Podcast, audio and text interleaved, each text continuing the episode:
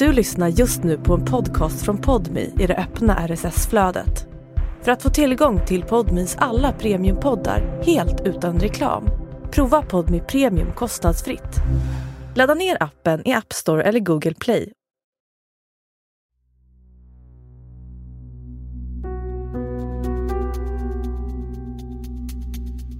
Det här är Utanför murarna, där jag och Josefin Freje träffar människor som suttit i fängelse för grova brott, men som nu är ute i samhället.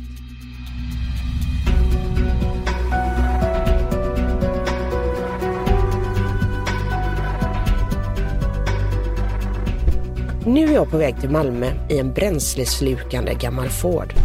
På vägen stannar jag för en burgare. En köttburgare. Jajamän. Och varför delar jag med mig av den här till synes vardagliga informationen? Jo, för att dagens gäst utanför murarna borde hata en sån som mig.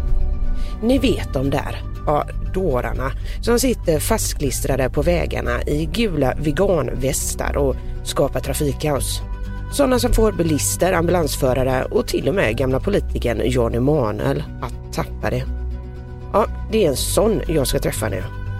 Dagens gäst har suttit i fängelse för sabotage mot vapenfabriker och på nätterna snor han djur från bönder.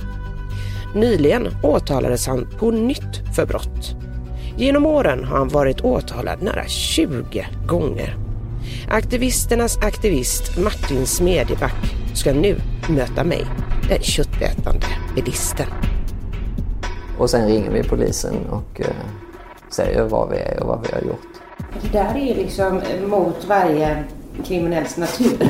Och när jag berättade det för andra intagna på fängelset så tyckte de att jag var helt galen. Ska jag stänga det? Ja, men det är väl lite... Mamma inte höra. Yes. I rummet bredvid ligger Martins mamma och vilar. Vi sitter i ett ljust kök på ön. Ja, den heter bara så. Ön i Limhamn, Malmö. Med havsutsikt i varje väderstreck. Martin Smedjeback har en ljusblå skjorta och vid en första anblick är det svårt att tro att han är typen som nattetid gör inbrott på slakterier och vapenfabriker. Jag är här för jag vill veta hur han tänker och vem han är. Mannen som till skillnad från andra kriminella inte har som mål att hålla sig utanför murarna. Det såg så himla gott ut. Mm. Mm. Och lite mm, mm, mm, kaffe. Mm. Det var här, i det välmående Limhamn, som allt började. Då Martin växte upp till att bli en av Sveriges mest aktiva aktivister. Mm. Och det, vi hade också havsutsikt. Ja, det var också en finare del av, av stan man säga. Mm. Är inte det en liten sån här klyscha, så här rikemansungen blir så här superaktivist och liksom vänster? Alltså man har haft allting när man växte upp. Jo, det är det nog. Samtidigt så var det ju inte överklass. Min pappa var flygplanstekniker, min mamma sjuksköterska. Mm. Men visst, vi hade det bra. Det hade vi. Eh, jag behöver liksom inte oroa mig för min egen psykiska hälsa eller på annat sätt. Och då har man ju också utrymme för att engagera sig mm. för, för andra. Och det är ju någonting som är bra. Vad är det då för bra saker som Martin Smedjeback anser att han gjort? Totalt har han suttit i fängelse i runt nio månader och listan med åtal och domar är lång. Många gånger har han kommit undan med dagsböter och eller skadestånd. Skadestånd som han sällan betalar. Här, här har jag gjort så här timeline. Mm. Uh, från, jag hittade tillbaka till 2009 i alla fall. Mm. Uh, åtal grov skadegörelse. Och sen är det olaga intrång, sabotage, lite fängelsestraff, olaga intrång, grovt brott. Och sen är den här åtalsstöld 2015. Jag tror du hade mm. stulit en lax eller några laxar. Ja, eller där var det ju... Eh, där släppte vi ut laxen direkt i öppet hav. Mm. Så där var det, vad heter det nu? Jag glömmer inte vad det heter. Egenmäktighet med djur, ja, vad heter det? Nej, egen... Egenmäktigt förfarande. Ja, egenmäktigt förfarande. Ja. Mm. Vi ska gå in på hans liv utanför murarna och hans brott. Eller ja, han kallar det inte ens brott utan aktioner. Men först vill jag ut på en liten roadtrip med Martin i min gamla Ford. Vi pratade lite om det på telefon, men finns det liksom någonstans bara liksom i närheten, något ställe eh, där du har gjort en aktion? Har, har du tid med det? Ja, jo det finns ett ställe som heter Aimpoint. Där gör de kikarsikten som används både till jakt men även till militärt bruk. Där var jag inne 2008. Mm. Klättrade över stängslet där och blev gripen. Men då åker vi på upptäcktsfärd då? Yes. Till vapenfabriken. Jag hade två väldigt intresserade med parkeringsvakter som bara stod och väntade på att jag skulle lämna bilen yes. utan att betala. Så fick de. Har ni någon rolig eh, aktion på gång nu då? Eh, ja, men det får jag nog inte säga. Men var det är någonstans? Du behöver inte säga var det är eller mot vem. Man kan säga att vi, vi funderar kring en ny slakteriblockad. Vid flera tillfällen har Martin och hans aktivistvänner gjort så kallade slakteriblockader. Det går i praktiken ut på att de sätter sig i vägen för lastbilar med slaktdjur. I andra fall har de gjort nattliga inbrott för att stjäla grisar och äggkläckande hönor. På aktivistspråk kallat fritagningar. Aktionerna, brotten, har de filmat och lagt upp på Youtube. I en av de Youtubes videos som lagt upp smyger Martin och en kvinna fram i mörkret mot en hönsfarm. På huvudet har de pannlampor. De tar hönor och lägger i papperskartonger. De har tårar i ögonen. De poserar allvarligt för stillfoton där de har varsin höna i famnen. Men sen, svart ruta, text, citat. Hönorna kördes till ett kärleksfullt hem. Nästa bild, glada hönor i gräs som dricker vatten i en idyll. Nu slipper de värpa hundratals ägg per år, något de är hårdavlade till. Men här är bilen på väg till vapenfabriken förstår jag att Martin, idag 50 år, inte alltid varit sån här. Han åt kött tills han var 25 år och slutade inte med de, enligt honom, ondskefulla äggen förrän han var 32. Men jag fortsatte ju konsumera de här produkterna. Eh, eh, så då valde jag liksom att se bort från det bilandet. För jag tyckte det var lite för extremt att bli vegan då. Men det var lite hyckleri där nästan. Absolut. Ja. Jag märker också på vägen till vapenfabriken att eh, Martin, heltidsaktivisten och jag, den hemska köttätande bilföraren, har lite svårt att förstå varandra. Vi talar olika språk. Sen när de hade, de hade sådana här plogbilsläger tidigare. Plog? Plogbilsläger, plogbils... Eh, det, känner du till det begreppet? Det, det, är den typen av aktioner som jag beskrev där man hamrar på vapen. Det, tidigare kallades det plogbilsaktion. Det är ett bibliskt begrepp. Okay. Hade man plogbilar på Bibeln?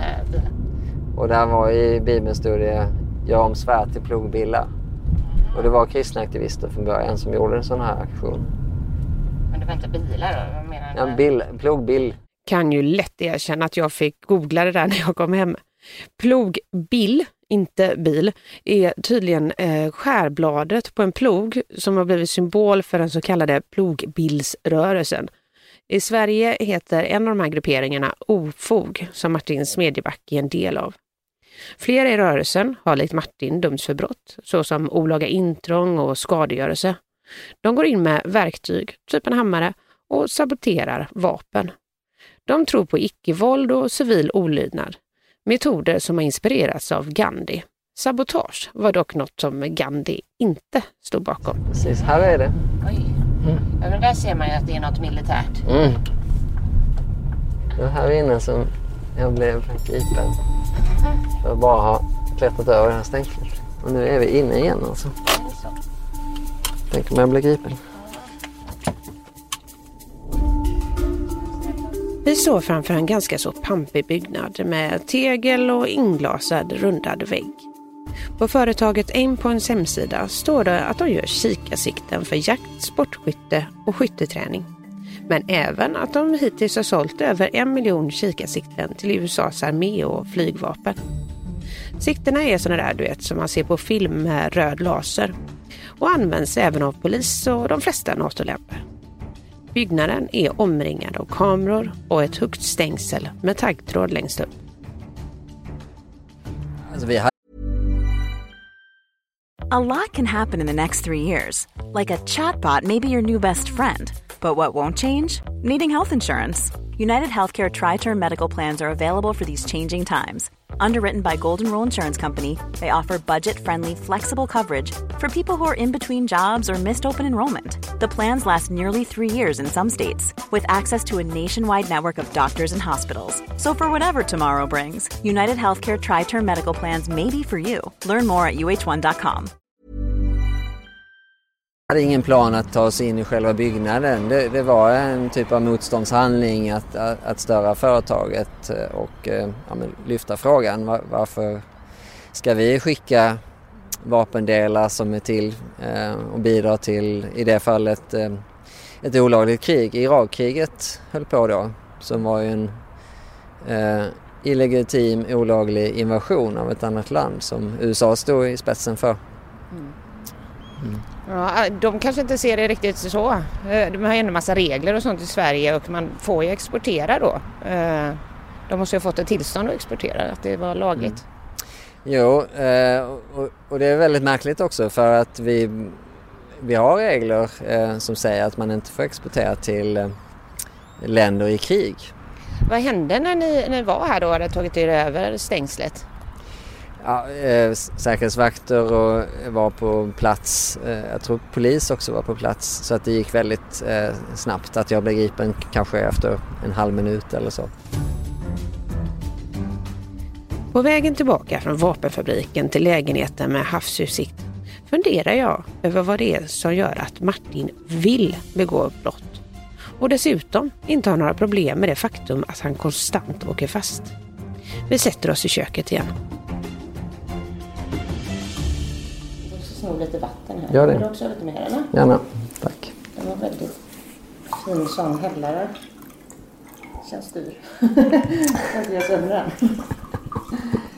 Uh, och du var fast för en uh, rad brott som har resulterat i fängelse. Men alltså du får rätta mig om jag har fel nu. Men det känns inte riktigt som att du ser det som att det är brott du har gjort. Ehm, på sätt och vis är det ju det. Jag är medveten att jag har brutit mot lagen som den ser ut idag. Men däremot tycker jag inte att det är fel de eh, handlingarna jag har gjort. Jag har gjort det med bästa avsikten. Det är ju inte för egen vinning någon av de sakerna som jag har suttit inne för. Det är för någon annan liksom, för att försöka i det lilla, lilla jag kan skapa en bättre värld. En bättre värld. Martin Smedjeback är ju lite av en allsysslare då det gäller aktivism. Det är djuren, freden och miljön som ska räddas. På Youtube har Martin och hans aktivistvänner lagt upp hundratals videos på sina brott. Ett populärt sådant är att vara i vägen, bokstavligen.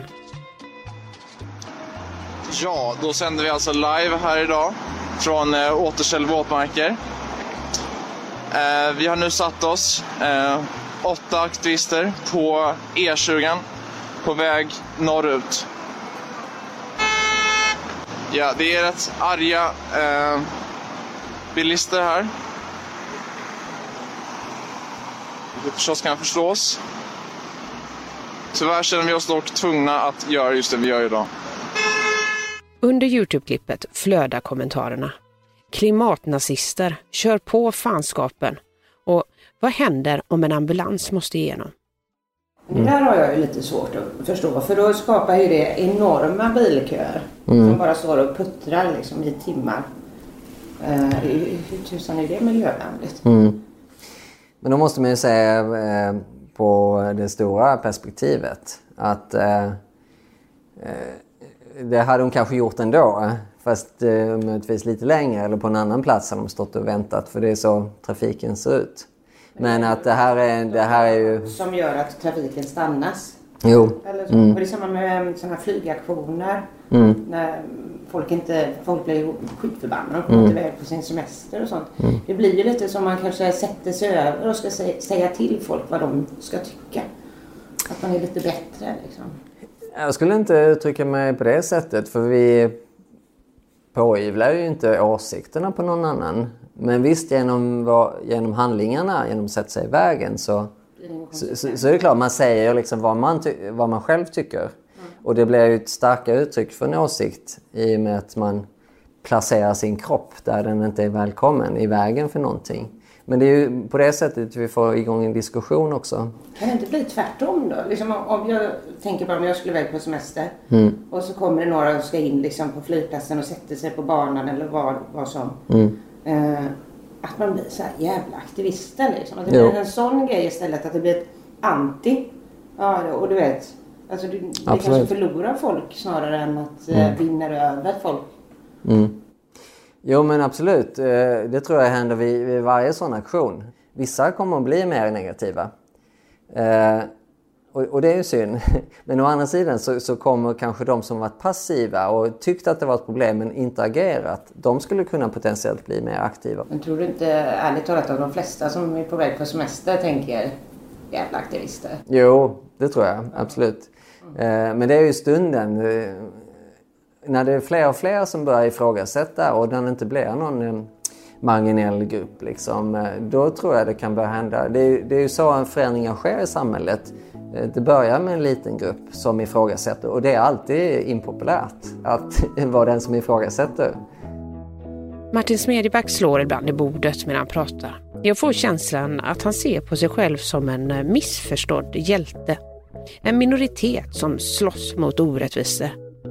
Samtidigt går det inte att komma ifrån att han faktiskt är en medelålders vit man från Limhamn. Även om han idag har flyttat till ett kollektiv i Västerås med likasinnade. Jag, och jag har ju valt att bo med de som delar mina värderingar. Eh, vi bor i ett veganskt kollektiv och, och också att de... Folk som idag som jag har varit aktiva med och tidigare aktioner. Mm. Eh, Delar av dem, inte, inte alla då. Ett litet brottssyndikat. Nej, det är inte så att vi sitter där och planerar nya brott om kvällarna riktigt. Men, men just att man har det stödet är väldigt fint. liksom, vad har du fått för reaktioner av folk som tycker att det är anskrämligt liksom, det du håller på med? Ja, om jag får kritik av någon som liksom håller med mig i sak så, så tar den kritiken mycket hårdare än någon Eh, säger liksom på eh, Facebook kött är gott eller kör över de jävlarna som jag hörde ganska mycket av den formen av eh, kommentarer när vi gjorde en slakteriblockad i slutet av maj. Här. Bland Martins aktivistklipp ser jag hur en lastbilschaufför får spel på veganerna som blockerar vägen. Och i ett annat klipp har Martin och hans vänner tagit sig in på ett slakteri. De kallar sig Slakteriinspektionen och filmar avhuggna kohuvuden. Martin är klädd i vita skyddskläder och hårnät. Efter sju minuter inne på slakteriet börjar personalen misstänka att det är något som inte stämmer. Hej! Vem är du? Jag heter Martin, jag är en inspektion här. Från? Eh, från Slakteriinspektionen. Klippet fortsätter med en film från rättegången där Martin döms för olaga intrång och skadestånd på 33 620 kronor. Ett skadestånd som han faktiskt betalade med hjälp av en insamling. Martin från rättegången där åklagaren håller förhör. Någonting ytterligare du vill tillägga Martin innan förhöret avslutas? Vi gjorde vårt bästa för att eh, försöka dokumentera den hemska plats och det kräver ju mycket av en person som vi har hört också att gå in på de här platserna och jag hade mardrömmar i dagar eh, före och efter om, de, om den här platsen. I ett klipp ser jag hur Martin och rörelsen Tomma burar till hjältemusik ger sig ut i gryningen för att stå i vägen för slaktbilar med grisar. Deras gula västar är täckta av orden vegan, all lives matters och animal liberation. De gråter medan de filmar grisarna inne i lastbilarna. Sen kommer ett gäng poliser som ser väldigt matta ut och bär bort dem. Och grisarna åker till slakt, fast något försenat. Hur, hur gör ni då? Gör ni er så tunga som möjligt? Liksom? Att ni har några sådana avslappningsövningar innan? Alltså, eller vad finns det för... Det är upp till var och en. En del bara går med eh, när de blir ombedda. En, en del kanske gör sig, som du säger, så tunga som möjligt. Oavsett så är det ju inte större problem om, man, om de är tillräckligt många på plats att ta bort oss. Inget större problem om det bara kommer tillräckligt med poliser för att bära bort dem. Samtidigt kostar det resurser för polisen. Men Martin försvarar agerandet att gång på gång blockera lastbilar med grisar och kycklingar trots att det innebär att djuren får vara en längre tid i en ofta varm och trång slaktbil. Alla måste inte hålla med, men att det skapas en diskussion. Vad är rätt och fel? Vissa säger ni, ni lät kycklingarna lida extra och visst de fick stå där, kanske det var en halvtimme extra eller någonting. Eh, men då kanske det ger en reflektion kring men hur är en kycklings liv? Vad väntar de när de kommer till, till slakteriet? Sådana frågor eh, är tanken att generera med en sån aktion. Martin Smedjebacks aktioner har slutat i nära 20 åtal och kostnaden för rättegångar och försvarsadvokater har stannat på staten, alltså skattebetalarna. Varför ska de betala för att du vill göra brott? Det är ju det systemet vi har idag. Jag har inte valt det heller. Eh, men jag tycker ju det är otroligt stor eh, värde i vad vi gör. Om det skulle kunna vara en liten del till att växla om till ett bättre samhälle så skulle vi kunna eh, dels rädda miljoner djur. Även om som sagt min del är ju så liten men sammantaget. Och det skulle vara värt jättemycket. Vi skulle kunna rädda klimatet också. I det stora hela är det små kostnader för stora värden som jag tror potentiellt finns att vinna. För Martin Smedjeback är det här med djuren, klimatet och freden viktigare än allt annat. Men vad lever människan på? Det går inte att köpa bönor med luft. Vänligen dröj kvar, så kommer du snart att få prata med en ledig handläggare. Innan vårt möte har jag gjort en snabb koll hos Skatteverket. Ja, hej, mitt namn är Josefin. Jag har ett eh, personnummer här och undrar om han har betalat någon skatt de senaste åren. Ska vi se. Han hade inkomst av tjänst 1200. Mm. Eh, med andra ord då har han inte betalat någon skatt eh, på det för det är 20 000. Man måste tjäna minst 20 000 för att man ska börja dra skatt. År 2021 betalade alltså Martin 0 kronor i skatt. Jag kollade även 2019. Då hade han en årsinkomst på 933 kronor. Eh, med andra ord då noll i skatt med. Och så fortsätter det. Noll kronor i skatt år efter år. Martin berättar också att han inte går på bidrag. Så vad försörjer han sig på utanför murarna? Jag är heltidsaktivist idag. Och vad är en heltidsaktivist? Att jag har ingen annan, ett annat jobb. Eh, jag har ingen anställning, jag får inte lön för någon, jag har ingen chef. Du är arbetslös? Eh, nej, för jag har ett arbete men det är ingen anställning. Personer skickar alltså pengar till Martin så att han ska kunna göra både lagliga och olagliga aktioner. Så har han försörjt sig de senaste åtta åren. Jag tänker om jag skulle ge pengar till någon mm. för att uppmuntra dem att göra ett brott. Mm. Det inte så bra ut. Hur tänker du Ja, det är ingen hemlighet att jag jobbar med civil olydnad. Just att göra eh, aktioner som går mot lagen på ett öppet och fel sätt. Det har jag gjort sedan 2005. Mm. Så att det vet ju de som stöttar mig antagligen. Så då tror jag att de tycker det är en bra sak jag gör. De aktionerna men, men även det lagliga såklart. Mm. Är det någon särskild sån aktion som du känner dig, eller särskilt brott, som du känner dig särskilt stolt över? Um, ja, bra fråga. Ja, men det här, ja, vilken ska jag välja?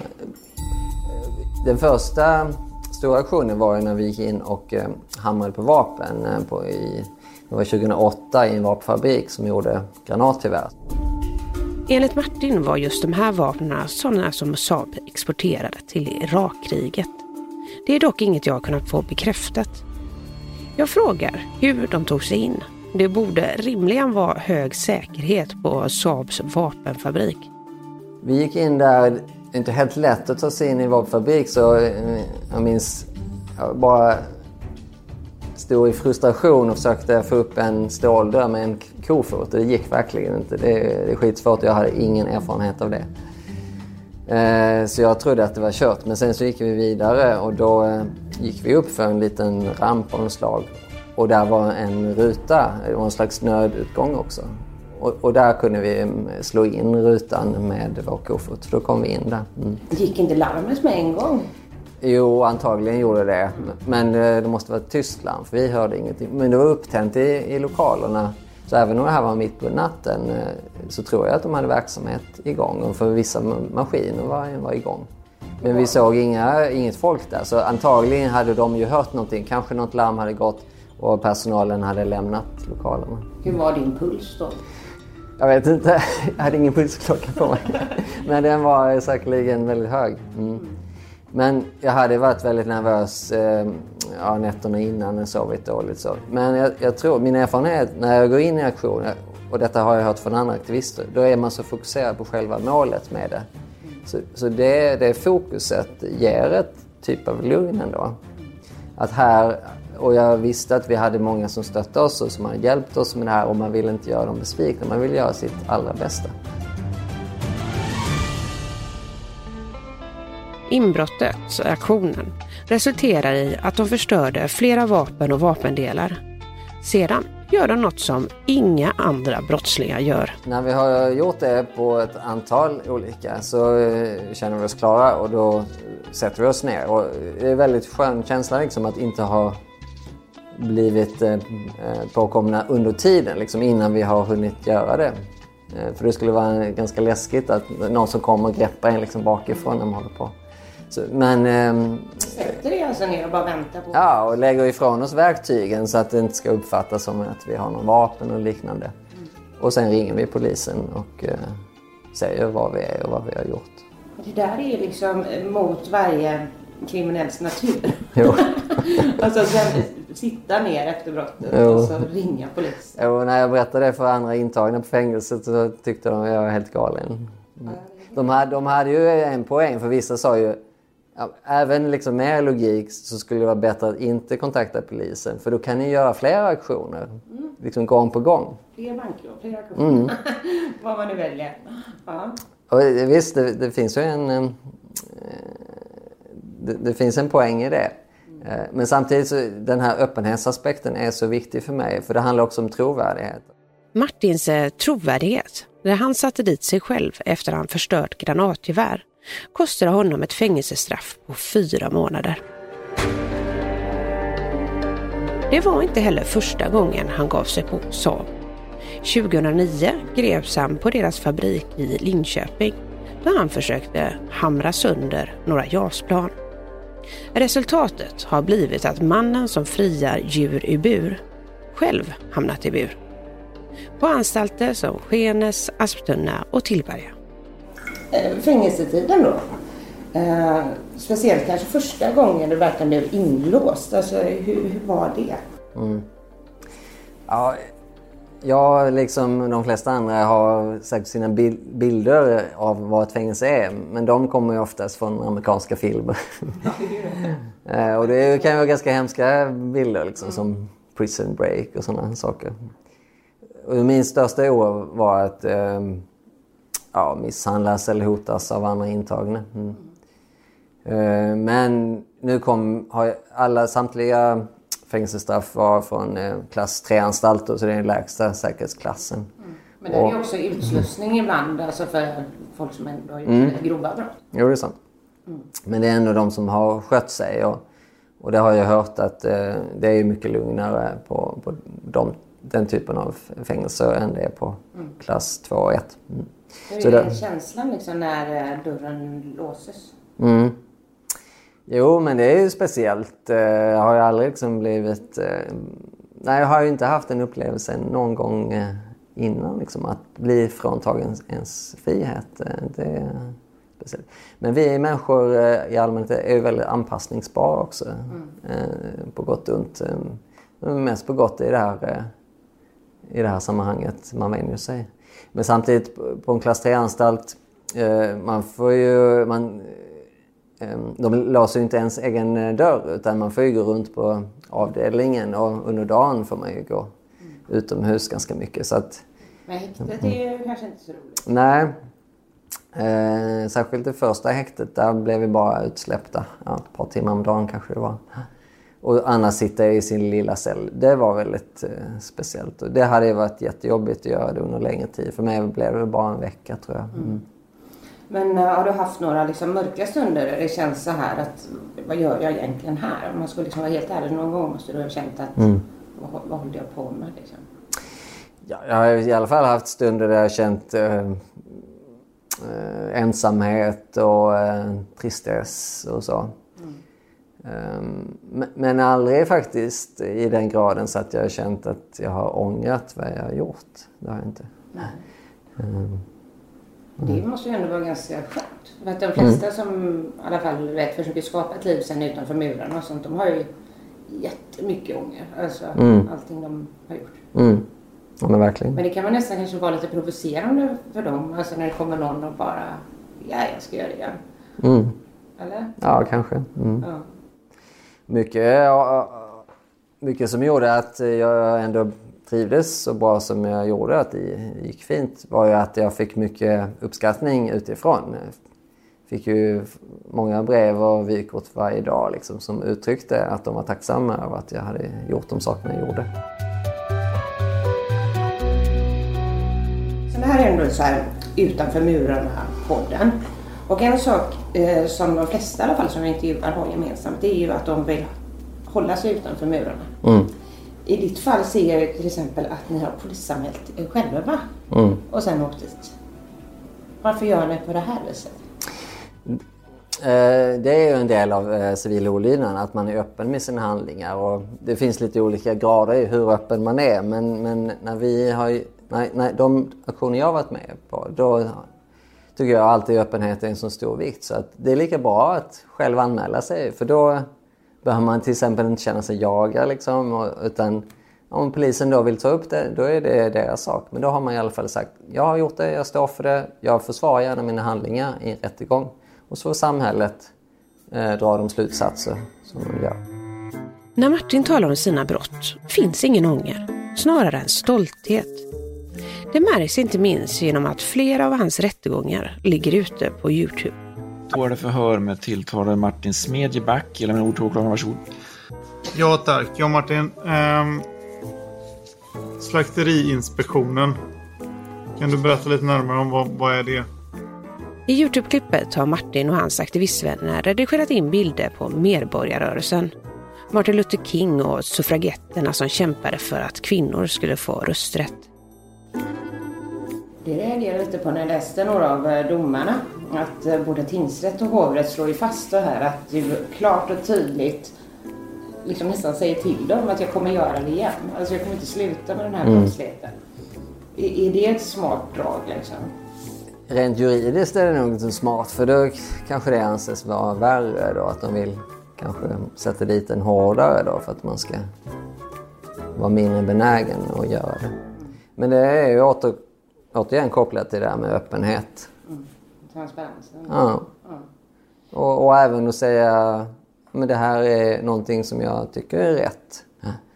Och även om alltså de som sitter där i domstolen kan ju inte ändra lagarna. Det är upp till politikerna liksom, hur vårt rättssamhälle ser ut, vilka lagar som styr, vilka politiska beslut som formar vårt samhälle. Men jag tänker att eh, vad som händer i, i, i rättssalen eh, kan potentiellt eh, påverka hela samhället. Liksom. Men tänk om, om fler skulle tänka så här att jag gillar inte den här lagen. Mm. Eh, jag tycker den här lagen är omoralisk. Så att jag liksom tar mig friheten att bryta mot den. Mm. Hade det inte liksom ganska mycket kollapsat då? Om alla tänkte som du gör? Jag tror inte det om folk hade utgått från de här reglerna kring civil olydnad med öppenhet och att det ska ske fredligt, ingen våld och liknande. Mm. Då är det under ordnade former om man är villig liksom att eh, bli ut, eh, vad heter det, att utvärderas av rättssamhället. Men tycker vi att det här är rätt eller fel? Mm. Eh, dels så är det inte så många som gör det för att de inte är beredda att ta straffet. så det kommer vara en begränsad mängd. Jag hoppas att det blir fler ändå. En bild träder fram. Hundratals klipp på Youtube. Martin håller föreläsningar i civil olydnad. Han lever på att begå brott genom att hans aktioner sponsras. Han har gett ut böcker och han har fått Martin Luther King-priset av Sveriges kristna råd. Vid en snabb bildgoogling dyker Martin upp med allvarlig min och en fritagen höna i handen. Är han verkligen den hjälte han själv och hans supportrar ger sken av? En sak som Martin återkommer till är jämförelsen med slavhandeln och rättigheter för svarta och kvinnor. Att det var genom civil olydnad som lagar som vi idag ser som eh, förkastliga har ändrats. idag ser man alla som Martin Luther King liksom, som en stor hjälte. Men eh, det man kanske inte vet är att han blev ju väldigt kritiserad på sin tid. Och jag har inspirerats mycket av King, men jag gör inga större likheter annars. Liksom. Men det är ju någon som jag försöker att eh, ja, men som sagt inspireras av. Och, eh, och jag brinner ju för icke-våld, gjorde han också. Eh, så på det sättet så eh, delar vi någonting i alla fall, tänker jag. Mm. Finns det enligt dig, alltså det du gör, ser du det liksom som att du är one of the good guys? Alltså att du är på den goda sidan? Jag gör inte alla det, håller jag på att säga. Nästan i alla fall att man, man gör någonting som man tror på. Eller, ja. Eh, men visst, som aktivist, det, det vore konstigt om jag inte såg att jag gör någonting bra. Då hade jag inte haft den drivkraften tror jag. Mm. För jag gör ju inte för mig själv. Jag hade nog kunnat leva liksom ett glassigare liv tror jag. Är det inte lite för dig själv också? Det är spännande, du får uppmärksamhet, du kan föreläsa om det. Jo, det ska jag inte sticka under stol med. Jag trivs med mitt liv. Jag trivs att eh, varje morgon kunna vakna och, och tänka jag gör något meningsfullt. Jag gör någonting som jag tror kan bidra till världen. Eh, det ger mig väldigt tillfredsställelse. Vad tänker du? För många som lyssnar, och även jag, alltså vi är eh, vi är ju den här andra då kanske som du tycker hemska sidan. Vi är köttätare. Vi kör bil. Vi gör massa dåliga saker. Alltså vad tycker du helt ärligt om en sån som, som mig? Att eh, jag har mina hemska sidor också. Jag har åt kött under större delen av mitt liv, även som vuxen. Så att på det sättet kan inte jag döma andra mer än, än jag dömer mig själv. Liksom. Och jag tycker jag är ganska snäll mot mig själv. Jag såg inte så mycket av de här bitarna. Det är ju när jag satt mig in i de här sakerna som jag ser hur hemskt det är. Men... Eh jag pratar lite med liksom kompisar och sånt där. Och mm. Jag har också extra jobb i Göteborgs hamn. Um, och jag tänker att det är bättre att snacka med dem än kanske mm. journalistkollegor. Så, så sa han att jag ska träffa en aktivist och mm. de här grejerna. Och, du vet, så uh, och de var inte så positivt inställda. Mm. Uh, uh, de, de kör ju dieselbilar och mm. äter kött. Och, de sa ju det liksom att man fan ger honom rätten att komma här och, och säga mm liksom bryta mot lagen, slösa våra skattepengar. Mm. Alltså vad, vad ger dig rätten egentligen? Jag, jag har ju ingen större rätt än någon annan att agera. Um, men det är ju det här att lagen ses som liksom, så... Um, vad ska jag säga? Det är ju inte bara lagen som ska styra våra handlingar. Utan det är ju moralen. Moralen tycker jag ska stå högre. Och då kan jag säga till andra, liksom, vad ger dig rätten att släppa ut så att det förvärrar klimatet så att barnbarn inte kommer kunna leva på den här planeten? Det är för mig en lika stor fråga som att jag väljer att bryta mot lagen. Men eh, det här till exempel att släppa ut eller äta kött, mm. även om det liksom har eh, enorma liksom, miljökonsekvenser, det är ju lagligt. Mm. Men det du gör är inte lag. Ja. Är, är, menar du liksom att lagen är omoralisk? Lagen följer inte en moral som jag anser att vi borde ha. Just ja. Kommer ni ihåg den där aktionen som Martin inte kunde berätta om när vi var på väg till eh, vapenfabriken? Ja, den aktionen blev av. Jag befinner mig just nu utanför Sveriges största grisslakteri. Är det några som tutar på er? Ja, det händer ganska ofta. Vi får diverse finger eh, mot oss. Både positiva, tummen upp och andra. Ja, men det känns bra.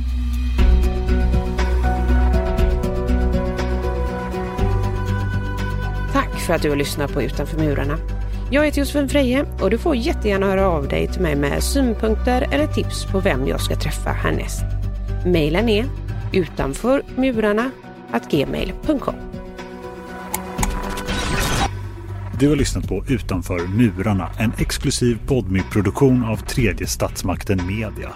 Producent var jag, Viktor Aldén, research av Jill Eriksson och slutmixen gjordes av Fredrik Nilsson.